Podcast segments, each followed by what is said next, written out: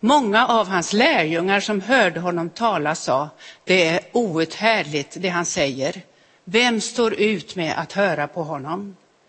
Jesus som genast förstod att lärjungarna förargade sig över hans ord sa till dem, får det här er att vackla? Hur blir det då om ni får se Människosonen stiga upp dit där han var förut? Det är anden som ger liv, köttet är till ingen hjälp. Det ord jag har talat till er är ande och liv. Men det är några av er som inte tror. Jesus visste ju från början vilka som inte trodde och vem som skulle förråda honom. Och han fortsatte, det var därför jag sa er att ingen kan komma till mig om han inte får det som gåva av Fadern. Då drog sig många av hans lärjungar tillbaka och ville inte längre följa med honom. Jesus sa till de tolv, inte vill väl ni också gå er väg? Simon Petrus svarade, Herre, till vem skulle vi gå? Du har det eviga livets ord och vi tror och vi förstår att du är Guds helige. För mig som troende är detta som att se in i Guds ansikte, utbrast fysikprofessorn George Smoot när han för första gången såg bilden av hur materien fördelade sig alldeles efter skapelseögonblicket vid Big Bang. Han tilldelades Nobelpriset i fysik 2006 som av Kungliga Vetenskapsakademien presenterades under rubriken Universums första ljus. För mig leder det tankarna till en av Bibelns allra första versar där det står att Gud sa ljus blir till. Dessa är Guds eviga ord som är förutsättningen för allt liv. George Smoot representerar många kristna naturvetare som betraktar vetenskap och forskning som viktiga verktyg som Gud har gett oss för att kunna beskriva och bättre förstå vår tillvaro. Dessa vetenskapsmän drivs av en helt annan inställning än den ofta förekommande fördomen i vår kultur att tro och förnuft skulle stå i motsats till varandra.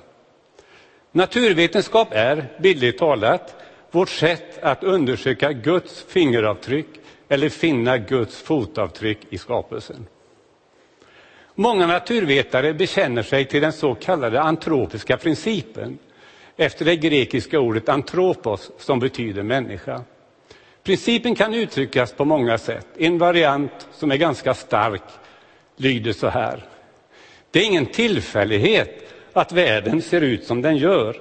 Universum har just dessa egenskaper för att vi människor ska kunna skapas och utvecklas. En svagare variant av den här principen eh, har en mer filosofisk anklang.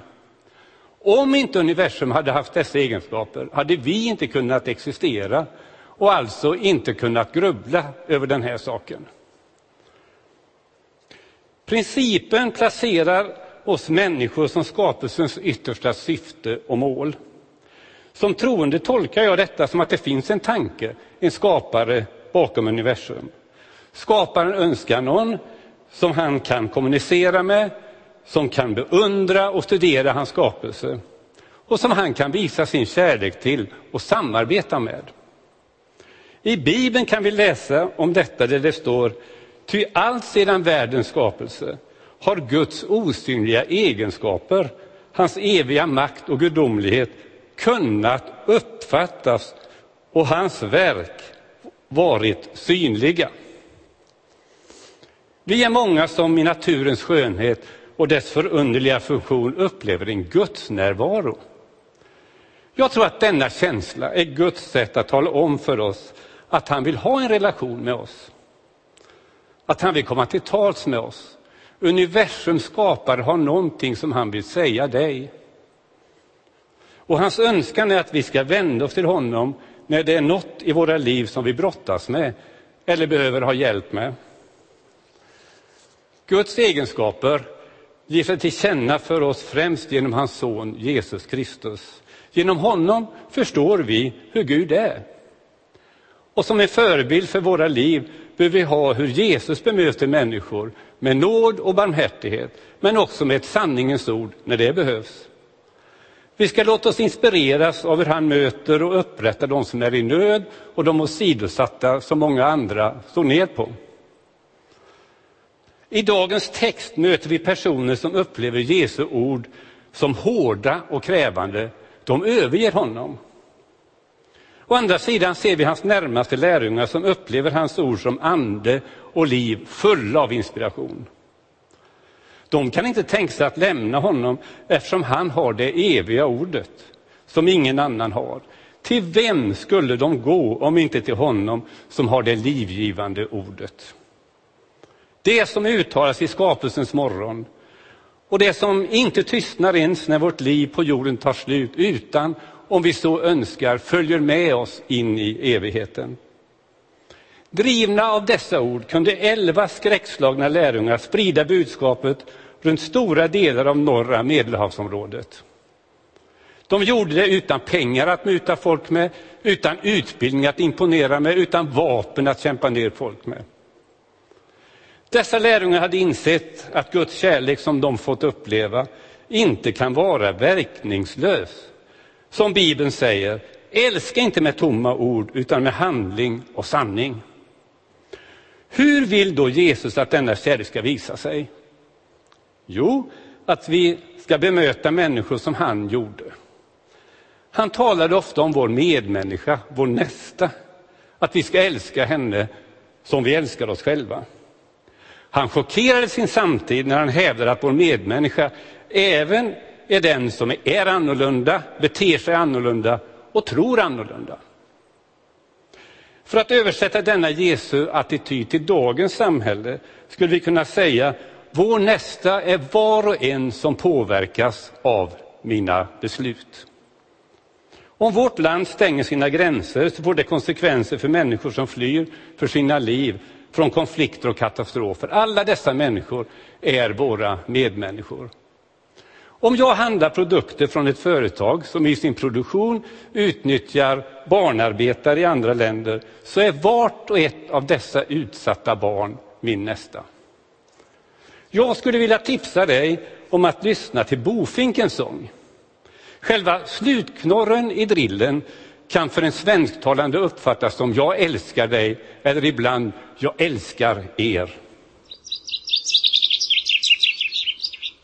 Har man en gång uppfattat det så hör man det alltid varje gång. Jag upplever det som en hälsning till mig från skaparen. En ren slump säger förstås många, men för mig är det i så fall en välsignad slump. Den franske författaren Anatole France, nobelpristagare i litteratur 1921, uttryckte det en gång så här. Slumpen, det är Guds pseudonym när han inte vill signera. Att höra bofinkens sång stärker min relation till skaparen och ger mig inspiration att följa och tjäna honom. Det är som när min fru varje dag säger jag älskar dig, det stärker relationen oss emellan och ger mig inspiration att dela livet med henne och verka tillsammans med henne. Guds levande ord driver mig att bry mig om mina medmänniskor, alla de som är min nästa. Framför allt vill jag erbjuda dem den andliga allemansrätten som Bibeln presenterar med de här orden. Åt alla de som tog emot honom gav han rätten att bli Guds barn. Gud vill nämligen att alla människor ska bli räddade och komma till kunskap om sanningen. Det universums skapare vill säga till dig är detta. Jag älskar dig. Jag vill ha en relation med dig. Jag ger dig rätten att bli mitt barn. Jag vill samarbeta med dig för att skapa en bättre situation för dina medmänniskor. En bättre värld att leva i.